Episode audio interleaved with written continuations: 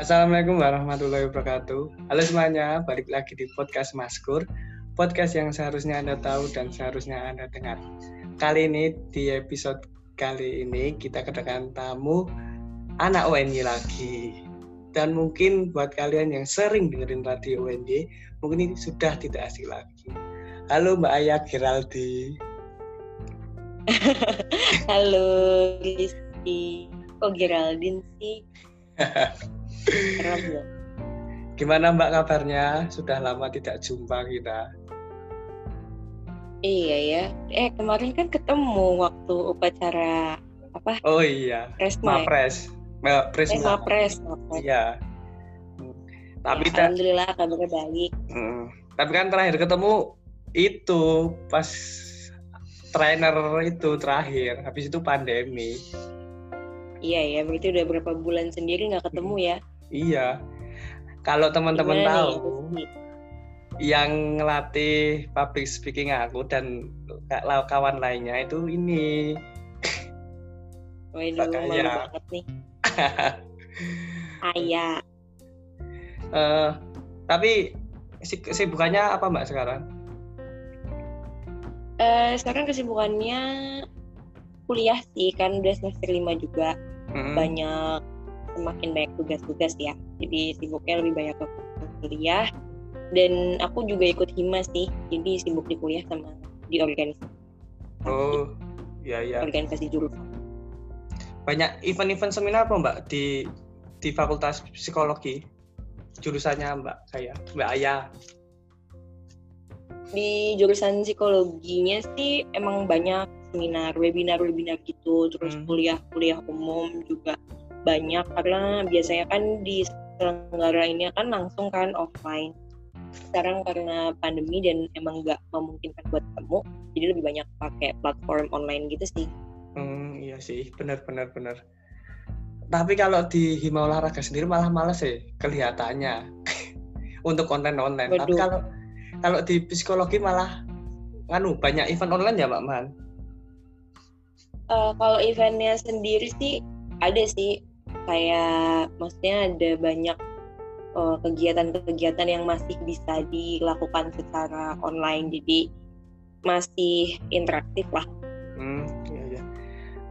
Terus apa pas sebelum Covid kan kita kan pernah ketemu buat itu di apa UKM. Nah, terus kelanjutannya UKM itu gimana, Mbak? Maksudnya kelanjutannya gimana nih?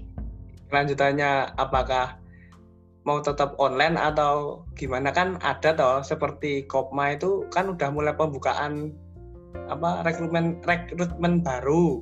Nah, untuk Oh Magena- iya. Magena sendiri tuh gimana? Atau tetap online kayak yang kita dulu itu pernah lakuin?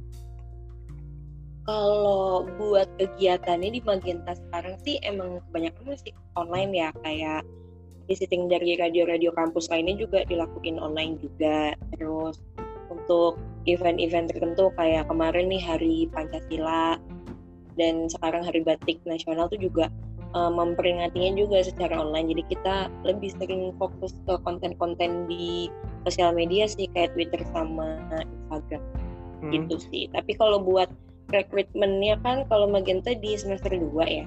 Jadi emang sedikit terlambat daripada UKM UKM lain. Jadi emang bukanya tuh ketika yang eh, maba-maba udah semester 2 gitu. hmm. Ya semoga semoga aja di semester genap besok udah bisa pada masuk, Mbak. Iya, amin. Jadi kan? apa namanya euforianya lebih berasa ya. Iya. Ma- Mas, masalahnya tahunku euforianya nggak ada. Harusnya kan ada pensinya. Iya ya, harusnya ada pensi gitu-gitu ya. Iya, malah online. Malah online deh. Ya udah nggak apa-apa, disyukuri ya. Ya gimana lagi? Tapi nganu Mbak, Tapi masih seneng kan kamu? ya seneng lah. Senengnya mesti dapat ilmu, dapat temen, dapat lainnya. Bener bener bener. Tapi masih nganu Mbak, siaran. eh maksudnya kayak ini po kayak siaran di call box gitu Iya, bener-bener. Kalau yang siaran macam kayak call box sih enggak siaran online enggak yaitu diganti sama konten-konten yang Hmm. sesuai sama program siaran misalnya di ada siaran Jogja pagi gitu nah itu ada info tentang tempat makan yang enak buat sarapan nah itu juga kita ngasih infonya tapi secara tertulis lah kalau waktu siaran kan diomongin tapi kalau Hmm. ini bedanya kita bikin konten dan dikasih di Instagram gitu Hmm. Tapi dari pihak kamu sendiri juga belum bolehin buat kan ya Mbak UKM mulai itu belum boleh ya Mbak kalau secara offline. Eh, kalau setahu aku sih masih belum boleh ya karena itu masih mengundang berkumpul gitu loh. Tapi kalau misalnya ada keperluan untuk kayak ke sekre kayak gitu-gitu tuh masih bisa dipertimbangkan tapi yang nggak nggak lama gitu loh ke sananya dan cuma beberapa orang doang. Tapi kalau untuk memulai kegiatan full terus buat siaran lagi tuh masih belum boleh sih setahu aku. Oh iya ya. Kan kayaknya Magenta tuh sebelum Covid kan punya event toh Mbak dan akhirnya eventnya sekarang udah selesai. Itu ada problematika nggak sama harus gimana terus kan pandemi kan harus online terus harus mutar otak lagi. Nah itu gimana yang diatasi oleh Magenta sendiri Mbak?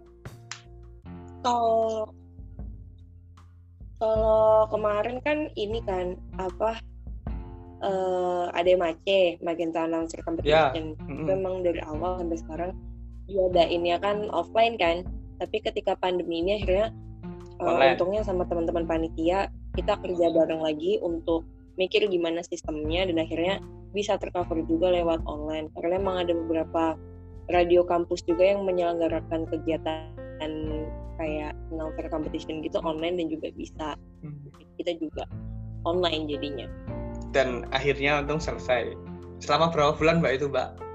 ya apanya Itu eventnya? eventnya kan cuman satu hari doang kan Hmm, maksudnya rencananya lah persiapannya ya persiapan. kalau apa namanya eh, apa buat pelaksanaannya emang sempat mundur beberapa minggu sih karena eh, kita ngelihat sikonnya juga. Tapi selain itu eh, semuanya terencana dengan baik. Kok ya sekitar eh, udah dari awal tahun sebenarnya direncanain. Cuman kan masih pembentukan panitia dan lain sebagainya. Saya baru dikerjainnya sekitar ya tiga bulanan menjelang. Hmm, betul sih. Tapi banyak tau Mbak yang anu pesertanya. banyak dong banyak yang ikut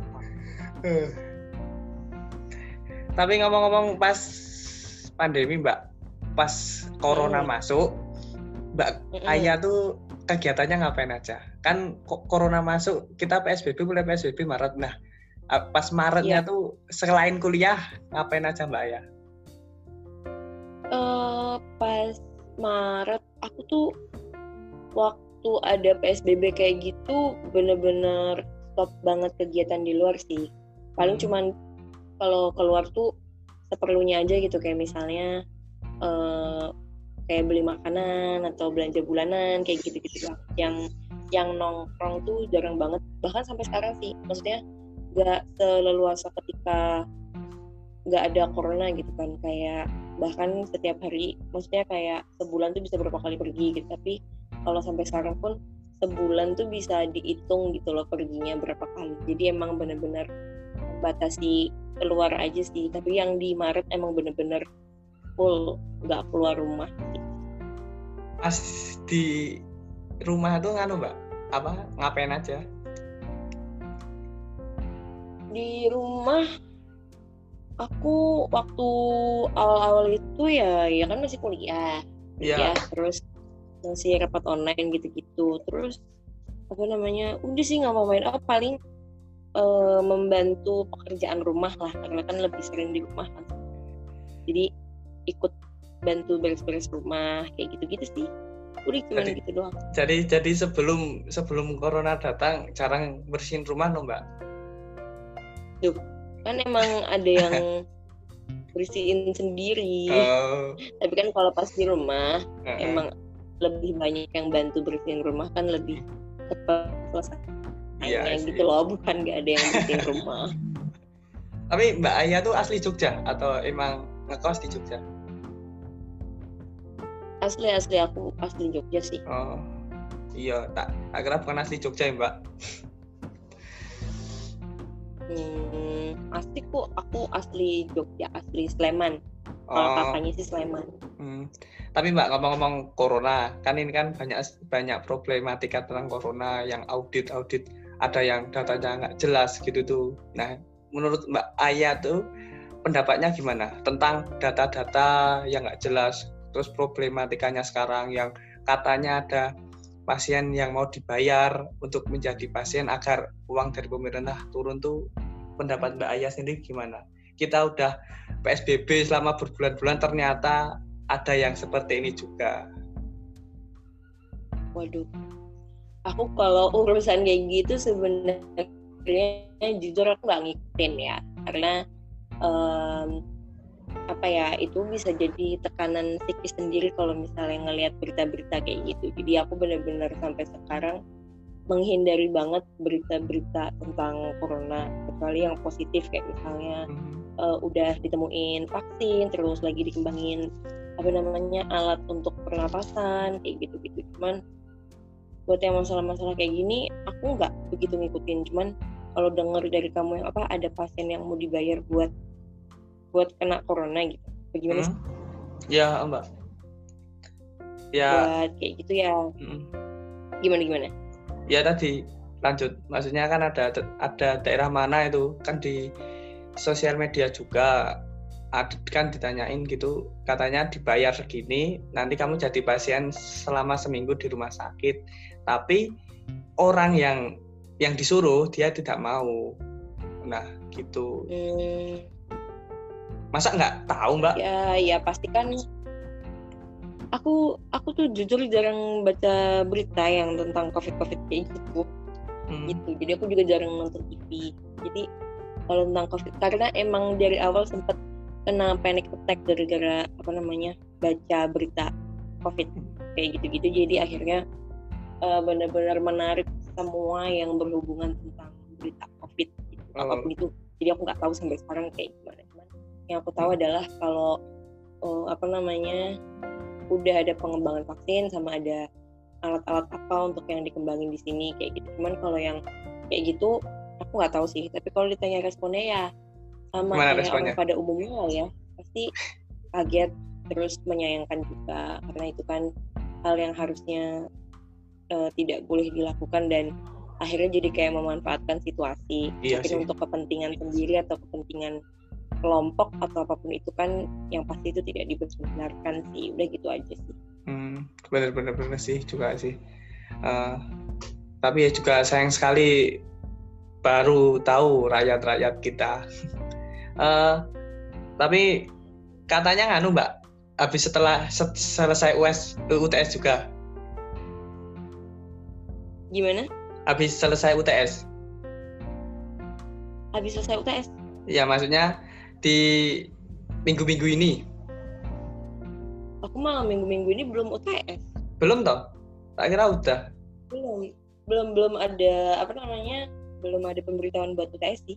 Hmm oh iya belum makanya ya tak, kemarin tak kira UTS yang pas kemarin mbak yang ngecat itu oh itu cuman salah satu mat mata kuliah doang sih emang oh. ada kesepakatan buat dimajuin gitu tapi kalau secara keseluruhan belum oh, cepet Kak cepet yang nganu minta majuin majuin biasanya dosen-dosen ya, dosen muda apa mbak? Hmm, nggak begitu muda juga sih. Biasa aja. Tapi nganu mbak, di untuk pembahasan kali ini nggak bahas corona. Kita, aku malah pengen bahas tentang body shaming. Tentang body, dari kaca seorang mahasiswa jauh ya dari corona ke body shaming dari kacamata seorang psikologi body shaming itu apa menurut Mbak Ayah sendiri kalau menurut aku dari pengertiannya body shaming body adalah tubuh body adalah tubuh shaming adalah mempermalukan jadi kalau digabung adalah mempermalukan tubuh tapi kalau dilihat secara pengertian umumnya adalah uh, tindakan atau perilaku secara verbal uh, menghina atau kayak apa ya kayak mengejek atau menghina bentuk fisik seseorang. Tapi kita boleh nggak sih mbak apa membody shamingkan orang? Kata-katanya gitu nggak sih? Yang itu kok men? Membody shamingkan orang, ya kalau dirujuk dari pengertiannya itu pengertian body shaming adalah sesuatu yang negatif ya, apalagi ada pengertiannya mengejek atau menghina kayak gitu. Jadi kalau ditanya enggak sih menghina orang, ya semua orang pasti jawabannya adalah tidak. Jadi kenapa kenapa banyak banget campaign orang buat bilang stop body shaming ya memang itu tindakan yang tidak tidak boleh dilakukan. Hmm. Tapi di apa di jurusan psikologi sendiri ada mbak materi tentang body shaming? Sebenarnya oh materi spesifik spesifik kayak gitu nggak ada ya secara keseluruhan kayak bagaimana cara mencintai diri sendiri kayak gitu-gitu. Tapi hmm. kalau apa namanya spesifik tentang body shaming apa dan gimana tuh nggak ada sih. Hmm. itu memang pengetahuan umum aja sih. Oh iya iya. Tapi Mbak Aya tuh pernah di body shamingkan orang menjadi di body shamingkannya di body shamingkan orang nggak sih? Atau malah jadi pelakunya pelaku yang membody shamingkan seseorang lainnya Nah, kalau Rizky dulu gimana? Pernah nggak di body shamingin orang? Kan udah tahu nih pengertiannya kan? Hmm. Kalau aku sendiri... Nah, kalau kamu sendiri pernah nggak membody shaming atau di body shamingkan orang? Kalau membody shamingkan orang pernah mbak menjadi pelaku. Tapi kan, hmm.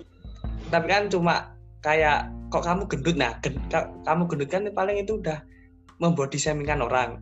Pernah lah kalau itu. Kalau di body hmm. shamingkan tuh pernah nggak sih kayaknya ada yang pernah tapi mungkin aku ya nggak tahu aja. Kan biasa gitu mbak orang-orang.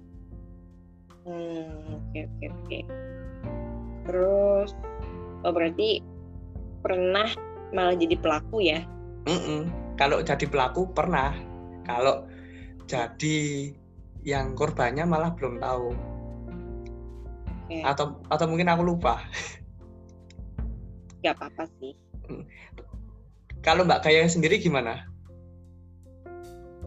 Kalau aku kalau jadi pelaku aku malah nggak tahu ya, maksudnya karena sering bercanda gitu sama teman-teman mungkin pernah ya mm-hmm. nggak mm-hmm. sengaja akhirnya membody shaming secara bercanda uh, mungkin pernah kayak ya biasalah kayak misalnya bercanda kata-kataan yang akhirnya malah kayak jatuhnya ke body shaming itu secara tidak disengaja pernah tapi kalau di body shaming kan orang juga pernah sih. Kayak dibilang gendutan terus teman terus jerawat tambah banyak kayak gitu. Hmm.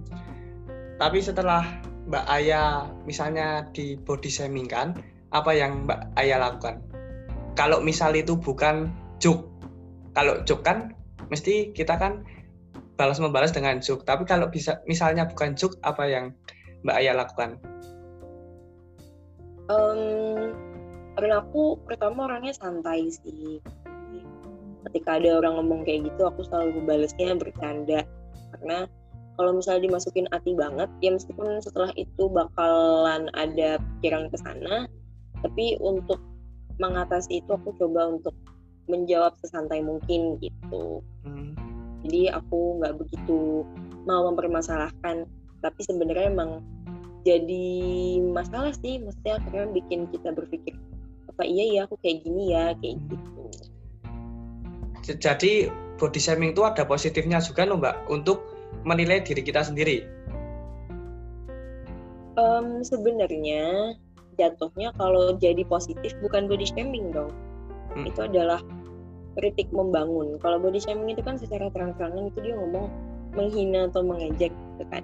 Kecuali hmm, iya misalnya teman atau keluarga atau kayak gimana memberikan saran membangun dan kita juga bisa menerima atau bahkan kita sendiri yang meminta pendapat mereka gitu. Misalnya eh menurut kalian kalau aku mau misalnya kalau mau ngurusin badan gitu kan. Kayak menurut kalian kalau aku ngurusin badan jadi segini tuh bagus nggak sih? Oke nggak sih? Kan minta pendapat. Jika teman-teman akan bilang oh boleh tuh kalau ngurusin segini kalau nurunin segini uh, nanti mungkin bisa lebih ideal lagi atau mungkin nanti lebih apa namanya lebih sehat lagi gitu. Dan juga harus diperhatikan sih sebenarnya dia hmm. cara ngomongnya gimana gitu. Jadi biar akhirnya jatuhnya nggak ke body shaming iya sih benar-benar jadinya Mbak Ayah sendiri itu bukan tipe orang yang kalau misal diajak itu langsung dimasukin hati ya.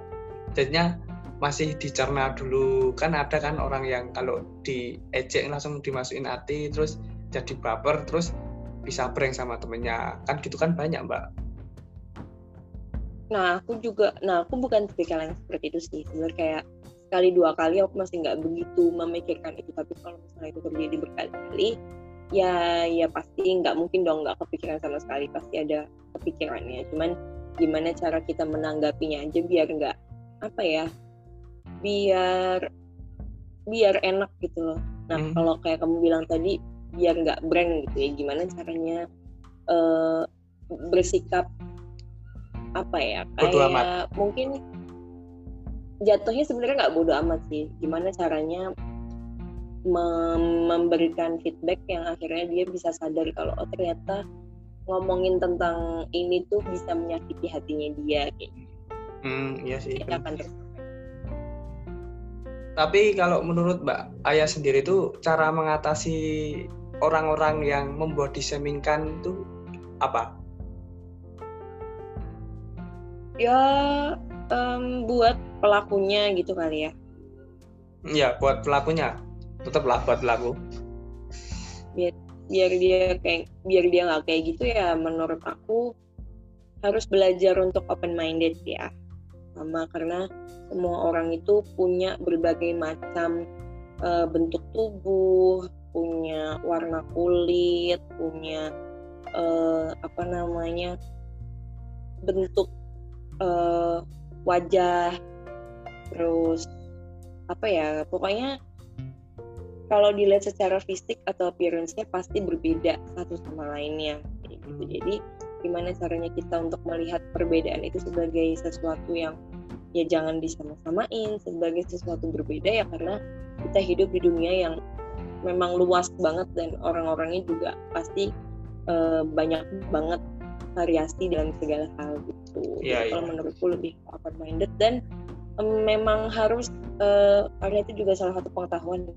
Jadi emang banyak belajar lah, banyak belajar gimana caranya um, untuk tidak melontarkan kata-kata yang akhirnya menjadi salah satu bentuk penyerangan terhadap orang lain. Hmm. Uh, tapi mbak, aku mau juga mau tanyakan di Amerika sendiri kan ada kayak perbedaan kulit putih dan kulit hitam dan yang kulit putih kan itu kayak membody shamingkan yang kulit hitam. Nah, menurut Mbak Ayah sendiri pendapat pendapatnya Mbak Ayah itu gimana tentang persepsi tentang kulit hitam dan kulit putih di Amerika sana? Wah, wow, udah sampai ngomongin ke situ ya, jauh juga ya omongannya. Ya. Iyalah. Coba kalau menurut kamu gimana dulu nih? Aku mulu yang ditanyain. Menurut kamu deh persepsi kamu tentang kulit putih dan kulit hitam? Kalau menurut aku ya kalau di situ ya masuk di body shaming sih masuk. Tapi ya kayaknya kalau menurut saya yang kulit putih kurang menghargai. Enggak sih? Iya enggak sih? aku mah bingung sendiri mbak. Makanya aku tanya ke Mbak ya. Bener lah mbak? Nah, Coba menurut kamu gimana? Menurut Ya tentang... setahu kamu aja. Oh. Ya pokoknya menurut saya kurang kurang apa ya kurang pokoknya itu kurang ya kurang. masa masa kita bedain warna kulit padahal kita sama-sama manusia ya kan? Hmm. bukannya Berarti itu masuknya ke body shaming. Menurut saya ya menurut saya. Oke. Kalau menurut Mbak ya kalau menurut aku itu lebih masuk ke rasis ya. Ya Alah. body shaming salah satu dari uh, bentuk rasis juga menurutku. Karena uh, itu dan kalau ngomongin ras kulit putih kulit hitam ini jadi omongannya kompleks series jadi gak cuman body shaming itu bisa masuk ke culture-nya juga. Terus akhirnya apa namanya kalau ngomongin di Amerika juga kita harus lihat orang-orangnya kayak gimana gitu. Jadi emang kompleks. Nggak hmm. nggak hanya sebatas uh, body shaming yang lagi kita omongin. Kalau kita omongin sekarang kan dari bentuk tubuh dan segala macam warna kulit. Tapi kalau kita ngomong ngomongin ras kulit putih dan kulit hitam di Amerika itu nanti bakal jauh lagi nih pembahasannya. Gak cuma body shaming doang. Tapi kalau pendapat dari aku ya memang itu salah satu bentuk dari body cuman lebih kompleks lagi dan itu masuknya ke rasis kayak gitu. Hmm. Ya ya betul. Iya sih tak. Nah, kalau kita membahas itu pasti nanti panjang mbak ceritanya. Tapi kan kalau seseorang di ejek atau di body shaming kan kan mesti ada dampak buruknya buat seseorang yang menjadi korban. Nah menurut Mbak Ayah sendiri dampak buruknya dampak buruknya itu seperti apa? dampak buruknya yang pertama pasti dia jadi minder buat yang korbannya ya kan dia jadi minder terus dia tidak percaya diri terus bisa mengurangi motivasi yang ada di dalam dirinya. Akhirnya dia jadi ikut standar orang-orang yang menghina dia kayak dia banding-bandingin tubuh dia sama orang lain. Jadi dampaknya bahkan sampai kepikiran kayak oh pokoknya um, kalau perempuan misalnya ya ya. sebenarnya laki-laki tidak menutup kemungkinan untuk kena body shaming juga sih. Body shaming semuanya pun bisa merasakan dan ini juga dirasain apalagi sama perempuan. Apalagi kalau misalnya dia punya bentuk tubuh yang tidak sesuai sama standar kecantikan yang sekarang lagi di maksudnya yang sekarang juga lagi jadi kontroversi gitu kan. Nah itu yeah, yeah.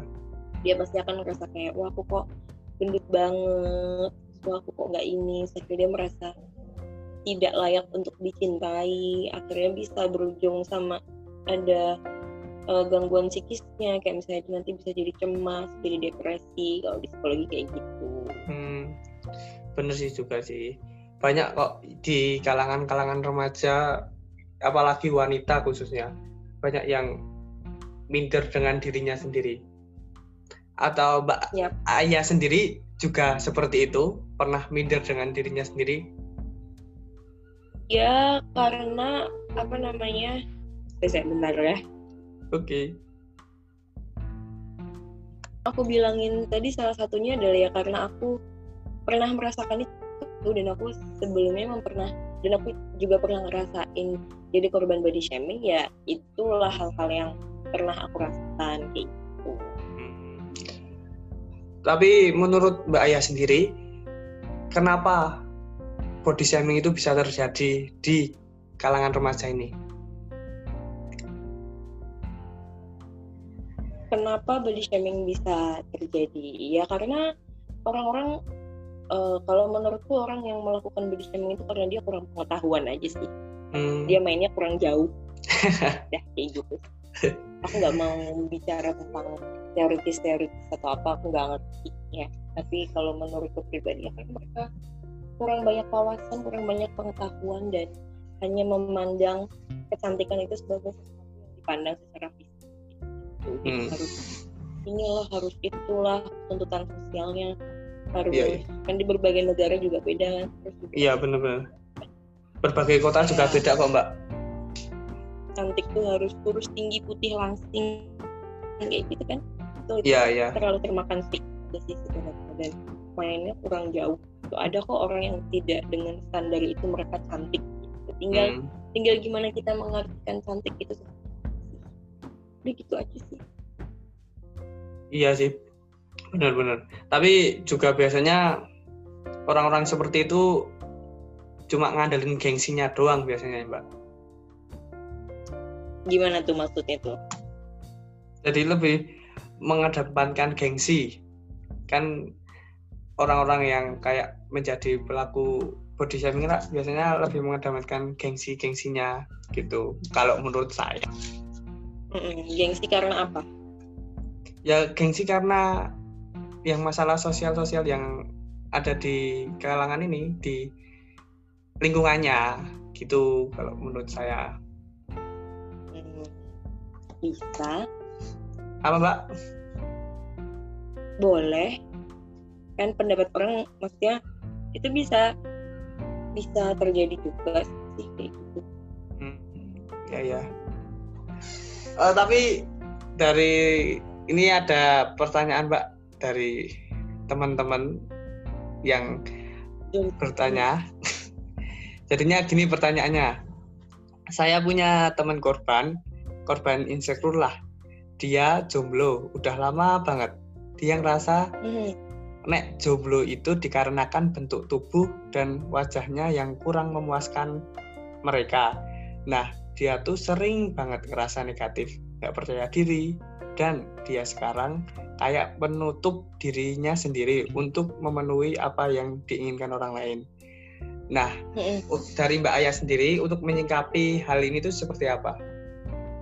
Dan minta saran sama nasihatnya buat teman saya biar agak nggak negatif sama dirinya sendiri. Gimana, Mbak? em, sebenarnya apa ya eh ini juga harus ditanya dulu nih kenapa dia bisa punya pikiran kok dia sendiri itu karena fak- faktor fisik ini temennya laki-laki perempuan ya? Perempuan, sama aja lah ya Perempuan. Laki perempuan Iya, ya, sama aja. pasti juga ada ya nggak salah juga sih maksudnya eh, pasti ada pikiran maksudnya gini eh Rizky pun juga kalau misalnya sendi eh Rizky punya pacar nggak ya Aduh, belum, Mbak. Jangan bahas Aduh situ. belum nah kira-kira menurut kamu nggak punya pacar karena apa Kalau menurut saya, ya karena belum mau aja. Kalau udah mau mesti Belum mau. cari. kalau udah mau pasti cari nah eh, emang alasan orang nggak punya pacar sampai sekarang belum punya pacar beda-beda tapi Mm. ketika terlalu menjudge diri sendiri kayak misalnya kurang cantik lah kurang putih lah kurang apalah itu akhirnya kayak nggak nemu nggak nemu nemu terus tuh. terus akhirnya semakin menyalahkan diri sendiri terus kalau misalnya dia akhirnya mencoba untuk memenuhi pikiran dia kayak misalnya kurang kurus akhirnya dia diet terus kurang putih akhirnya dia pakai pemutih ini ini segala macam akhirnya kepuasannya itu semu gitu kepuasan Hmm. hanya untuk mencari mencari pasangan gitu. Dan belum tentu juga akhirnya dengan apa yang dia pikirkan dia bisa dapat pasangan ya kan? Ternyata eh, selama ini faktor dia belum dapat pasangan adalah karena entah dia menutup diri atau entah dia eh, masih berpikir tentang dirinya sendiri gitu kan. Jadi daripada berfokus kalau aku pribadi ya daripada Iya. berfokus berpikir untuk memperbaiki fisik mending memperbaiki diri gitu loh. Karena eh, aku tuh yakin kalau cantik itu tidak hanya dipandang dalam bentuk fisik gitu. Dan laki-laki yang maksudnya pasangan yang akan menerima dia kelak pasti akan kayak mempertimbangkan juga gitu tidak hanya dari bentuk fisiknya gitu. Entah laki-laki atau perempuan yang memang benar-benar mencari pasangan juga pasti akan melihat dia eh, dari dalamnya juga gitu. Jadi menurutku daripada mikirin sesuatu yang belum pasti daripada mikirin yang negatif kayak gitu mending kita mikirin bagaimana kita bisa memaksimalkan diri kita dulu. Hmm. mending mikirin eh, oh apa namanya kayak misalnya mau memperbaiki apa entah perilakunya atau misalnya mau berprestasi atau apa kayak gitu. Jadi malah menimbulkan daya tarik sendiri yang enggak cuman dari fisik gitu menurutku. Dan sarannya biar dia tidak berpikiran seperti itu adalah em, ya harus dirangkul sama teman-temannya juga sih. Ya dia juga butuh dukungan eh, support sosial dari teman-temannya eh, buat merasa kalau dia itu tidak sendiri. Jadi dari ada penguatan dan support dari teman-temannya akhirnya bikin dia sadar kalau ini tuh pikiran yang tidak baik kalau terus menerus dilanjutin kayak gitu. Oh, iya iya. Jadinya di pertanyaan yang sekarang ini nganu mencintai diri sendiri itu penting mbak jadinya. Iyalah mencintai diri sendiri itu sangat penting. Hmm. mbak Ayah sendiri udah mencintai diri sendiri sendiri belum? Kalau kamu udah mencintai diri sendiri belum? Kalau saya balik dulu pertanyaan belum 100% karena saya masih merasa Hmm. insecure. Masih merasa insecure. Kenapa tuh insecure? Ya mungkin kalau melihat kalau misal kita keluar misalnya keluar di lingkungan kan biasanya lihat loh kok nggak kayak gini? Nggak bisa kayak orang ini nggak? Kan kalau membandingkan diri sendiri dengan orang lain kan sama saja kita belum mencintai diri sendiri. Belum bisa menerima apa yang ada di Oke. dalam diri sendiri diri kita sendiri gitu kalau menurut saya jadinya Ya. harus benar-benar bisa menerima diri sendiri baru kita nanti akan mengikuti alurnya waktu. Kalau Mbak Ayah sendiri gimana? Apakah sudah bisa mencintai diri dirinya sendiri? Kalau aku sedang proses mencintai diri sendiri dan dari dulu memang eh, memilih untuk mementingkan diri sendiri sih. Jadi kalau misalnya ditanya eh, mencintai diri sendiri yang benar-benar full tuh ya memang masih belum ya karena Iya, semuanya masih sama-sama pelan-pelan dan sama-sama progres. Yang penting kan ada niatan dan ada tindakan untuk melakukan mencintai diri sendiri kayak gitu. Jadi sih. dan ngerasa kalau mencintai diri sendiri itu lebih enjoy aja gitu sih. Hmm. Bener bener bener bener. Tapi ngomong-ngomong, emang Mbak Ayah udah punya pacar? Apa nih hubungannya sama konten ini? Apa nih? Ya kan tanya, saya kan cuma tanya balik tadi kan nganu. Oh iya bener-bener. Enggak mau jawab ah. Ada, pasti ada. Enggak mau jawab ah. Kepo deh kamu. Terus Mbak, pertanyaan selanjutnya. Masih Kenapa banyak pertanyaannya. ada kurang dua, kurang dua. Kenapa orang selalu membandingkan fisik teman satu dengan yang lainnya? Kenapa Mbak? Kenapa orang sering membandingkan fisik satu sama lainnya? Ya, Kalau menurut kamu gimana Rizky? kenapa orang membandingkan fisik teman satu dengan yang lainnya? Ya karena berbeda. Kan wajar. Kalau menurut saya membandingkan orang yang satu dengan yang lain kan wajar karena kita berbeda dan Allah menciptakan kita berbeda-beda. Kalau menurut saya, kalau menurut Mbak Ayah sendiri, Hmm. Eh, sebenarnya kalau yang tadi kamu maksud itu adalah memandang eh, orang lain ya. Kalau maksudnya hmm, ya, diciptakan dengan berbeda-beda berarti bukan berarti harus yang satu dengan lainnya. Nah, apa namanya? Eh, kenapa sih orang sering ngebandingin dirinya sama orang lain? Ya karena mereka termakan stigma apa itu standar dari kalau misalnya kita ngomong kecantikan ya itu mereka termakan stigma kecantikan. Hmm, dia membandingkan diri dia dengan orang lain ya pertama karena dia merasa kurang percaya diri ya kan? Terus yang kedua karena mereka termakan stigma stigma sekarang tuh ya yang itu tadi aku bilang eh, perempuan itu harus terus harus tinggi harus langsing harus putih terus juga banyak banget iklan-iklan di TV gitu kan. Misalnya iklan sabun iklan sabun tuh modelnya tinggi putih terus iklan apa banyak banget iklan yang pakai eh, subjek dengan standar yang putih lang tadi kurus tinggi langsing tadi. Jadi akhirnya eh, karena orang-orang itu sering banget ngeliat standarisasi kecantikan di mana-mana lewat iklan terus lewat handphone lewat apa akhirnya mereka mulai meragukan dan mempertanyakan sebenarnya tubuhku ini eh, sudah sesuai belum sih sama yang ada di iklan-iklan TV atau udah sesuai belum sih sama kriteria cantik gitu nah Hmm. kriteria cantik itu juga apa namanya balik lagi ke masing-masing yang membandingkan mereka mengkriteria apa hmm, menurutku sih kayak gitu. Jadi eh, karena terpengaruh stigma. Kalau misalnya kita percaya sama diri kita sendiri kita merasa pede kita merasa eh, tubuh kita ini sesuatu yang sangat eh, berharga dan apa ya sangat mencintai apa yang ada di dalam tubuh kita pasti tidak pasti kita nggak pernah punya pikiran untuk membanding banding ya benar-benar sih terus pertanyaan yang terakhir kenapa jerawat menjadi sesuatu yang selalu dibahas di depan orang yang mencoba di, mencoba percaya diri dengan keadaan yang mukanya sedang jerawatan padahal secara hmm. tidak langsung mereka membuat orang yang sedang berjerawat menjadi tidak percaya diri. Nah, gimana Mbak ini Mbak? Pertanyaan yang terakhir tentang jerawat ini. Oke, kenapa? Apa tadi intinya kenapa jerawat juga jadi bahan body shaming gitu ya? Ya. Hmm. Ya itu tadi karena orang body shaming itu dilihat dari sesuatu yang tampak.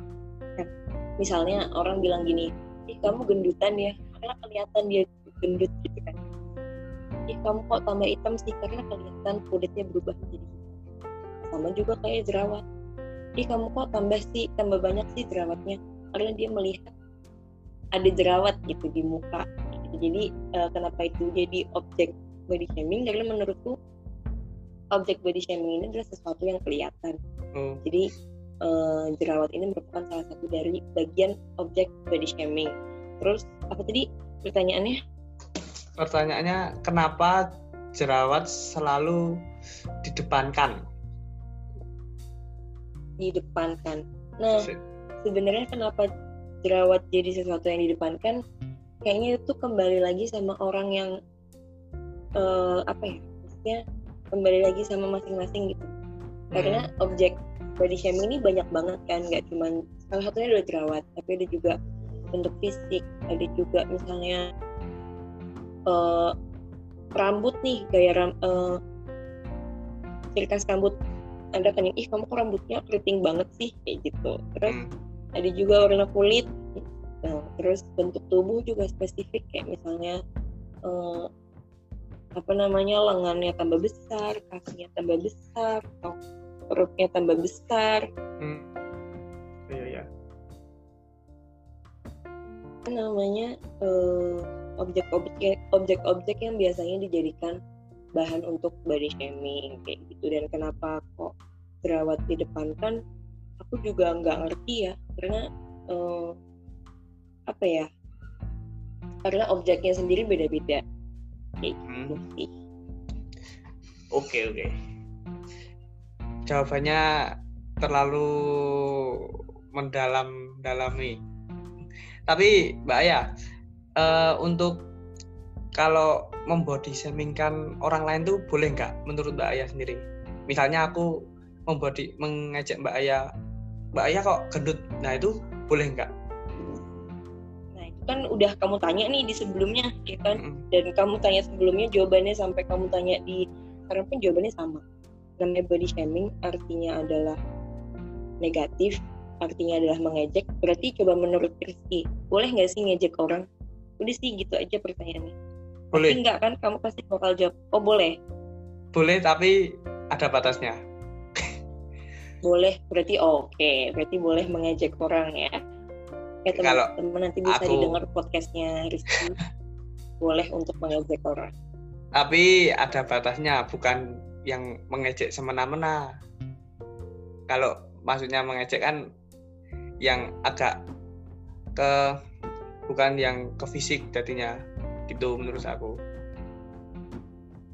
Nah nah sekarang kan bahasannya adalah body shaming bentuknya hmm. fisik. Menurut kamu ngejek fisik orang boleh gak? Gak boleh nggak fisik. Nah ya udah. Kan tadi pertanyaannya juga sama-sama body shaming kan? Ya ya. Oke berarti jawabannya sama. Gak boleh.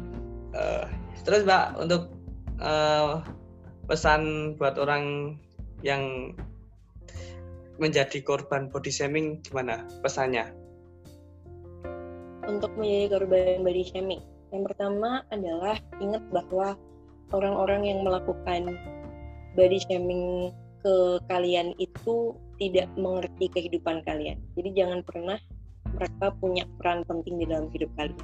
Itu yang pertama terus yang kedua uh, aku tidak pernah menyalahkan kalian untuk memikirkan itu gitu maksudnya pasti tetap ada pikiran tapi jangan sampai pikiran itu menguasai seluruh tubuh kalian sampai kalian uh, punya pikiran kalau kalian itu tidak berharga.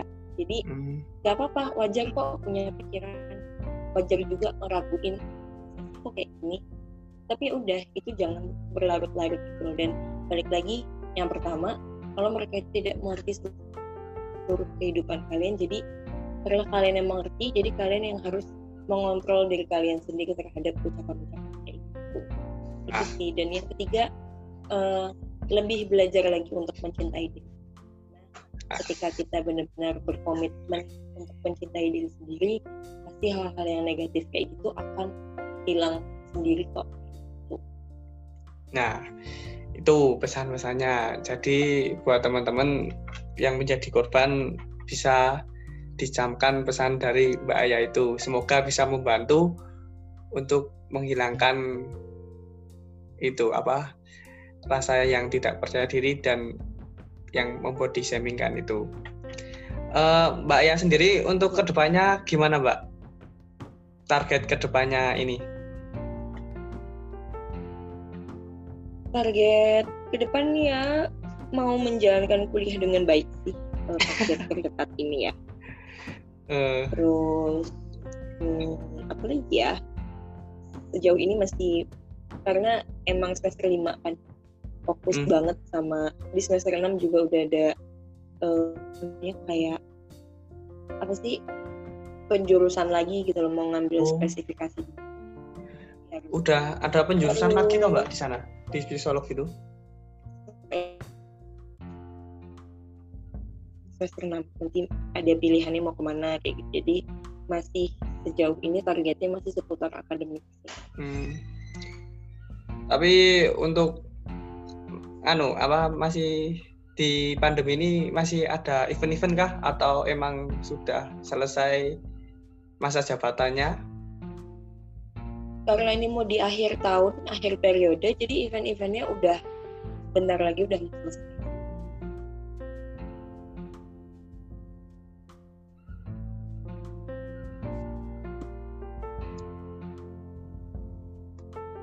Halo Mbak. Halo.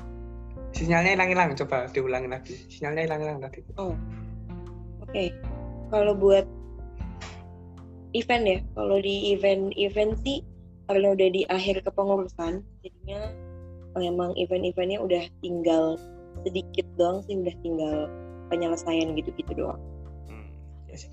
Tapi untuk kan Mbak, ma, apa masih lanjut menjadi apa yang mengisi radio-radio itu masih lanjut Mbak atau mau cari channel radio lainnya? Maksudnya? Kan ini kan di masa jabatan di Mas Ginta sendiri kan udah mau selesai. Oh. Nah, mau Aku belum mikirin itu sih. Belum. Ya lihat aja ke depannya kayak gimana. Yes. Semoga lancar semua lah, Mbak. Sampai skripsi. Ya. Amin. Amin. juga ya. lancar semangat kuliah semangat nge-podcast semangat konten. Amin. Tapi Keren loh ini. ya tapi kan juga nganu belajar dari semuanya. Tapi di imannya Mbak Ayah sendiri kan juga ada nganu apa podcast juga toh Mbak? Iya ada. Itu membahas tentang apa? Biar nanti teman-teman dari Maskur biar tahu apa isi konten dari Hima itu lebih ngebahas tentang isu-isu terkini ya kayak yang dibahas seputar pakai apa ya dibahas dengan sudut pandang psikologis kayak gitu. Jadi udah berapa ya? Udah sekitar 13 episode jalan. Terus apa namanya ngebahasnya macam-macam. Ada tentang self love juga ada tentang apa ya waktu itu uh, pencegahan bunuh diri terus ada juga tentang um, toxic relation terus banyak deh pokoknya hmm. yang juga isu-isu terkini sampai sekarang juga sih. Jadi boleh lah nanti teman-teman apa channel podcastnya halo? Halo putus-putus mbak. Coba diulangin. Wah sinyalnya itu. Yuk ada iya ada ada podcast. Podcastnya namanya ngekos. Jadi nanti buat teman-teman pendengar podcastnya Rizky jangan lupa mampir di podcast ngekos ngekos biasa. Bisa cari di Spotify. Jadi itu uh, membahas tentang isu-isu terkini yang dibahas secara psikologis lah. Mulai dari tentang self love terus toxic relationship terus apa lagi ya banyak pokoknya jadi teman-teman dengerin aja Ya, semoga sebelum tutup jabatan podcast Maskur bisa collab sama ngekos ya, Mbak. Bisa deh, bisa. uh, tapi Mbak, kan ini banyak yang bertanya-tanya. Kan saya juga sebagai anggota UKM Magenta Radio, gimana ke depannya ini? Apakah akan mengganti posisi Mbak Ayah atau nunggu naik siar-siar ini soalnya kan belum kan naik siar pada nunggu kejelasannya oh, oke okay. uh, eh, sebenarnya udah kan si MC ya berarti ininya yeah, yeah. ditunggu aja kabarnya kayak gimana tapi pasti si MC bakalan naik siar kok kan juga udah memenuhi syarat apa namanya buat training ya yeah, yeah. kan tinggal apa namanya teorinya materinya kan udah tinggal aksinya aja nih gimana. Tapi karena kita juga belum bisa ke terjun ke lapangan kayak maksudnya ke call box langsung siaran pakai alat-alat langsung jadi ya pasti uh, nanti akan diajarin lagi buat ngoperasiin alat-alatnya dan segala macam. Tapi pasti nanti next year kok nah tuh buat teman-teman yang tanya-tanya mengenai siar terus juga maba juga banyak mbak yang ada yang tanya juga Magenta Radio kapan bukanya? Gitu. Juga udah ada yang tanya-tanya juga gitu. Dari Evika hmm. juga ada. Untung loh Evika buka ada. pendaftarannya iya buka pendaftaran ada yang tanya. Buka pendaftarannya tadi aku udah bilang di semester dua. Hmm. oh iya semester dua. nunggu semester dua. Terus mbak Ayah sendiri ada rasakan nggak sih buat naik di apa naik siar ke radio? Udah berapa bulan ini nggak naik siar? Ya kangen pastilah, pasti semuanya juga kangen. Iya gimana lagi kan? Biar bisa apa namanya siaran lagi jadi harus di rumah dulu sebentar. Hmm, iya sih. Tapi enggak itu yang siaran enggak online ya, Pak? Maksudnya online kan ada toh yang di radio-radio lainnya kayak pas PSBB pas selama PSBB kan jadinya pas siaran radio itu melalui online jadinya penyiarnya dari rumah masing-masing kan ada tapi Magenta Radio belum rencana ini tuh Enggak atau sih. gimana belum belum ada karena yang lo jadi emang diganti pakai konten-konten hmm. uh, sementara Oke, makasih ya Mbak Gaya udah mau mampir di podcastku. Terus yang terakhir pesan buat yang dengerin podcast ini apa Mbak? Jangan lupa dengerin podcastnya Rizky, namanya apa sih? Rizky. Mas, Maskur. Maskur. Maskur, sorry. Maskur. Uh, uh, pokoknya kali ini membahas tentang selain bahas corona, kita bahas tentang body shaming juga yang mungkin teman-teman uh, pernah merasakan ini semoga bisa menjadi uh, sarana yang bagus untuk wow sarana yang bagus untuk apa ya mm, mengevaluasi diri lah. Kayak gitu. Hmm. dan semoga sukses podcastnya. Amin. Dan semoga podcast Maskur bisa collab dengan ngekos. Oke boleh. Aja Mbak Aya udah mau ngeluangin waktu. Dari kemarin-kemarin kita rencanain tapi baru hari ini kita rekaman. Iya. ya udah, makasih ya Mbak ya. Sampai ya, jumpa. Sama-sama Rizky. Terima kasih Assalamualaikum. juga semuanya. Sampai jumpa. Waalaikumsalam.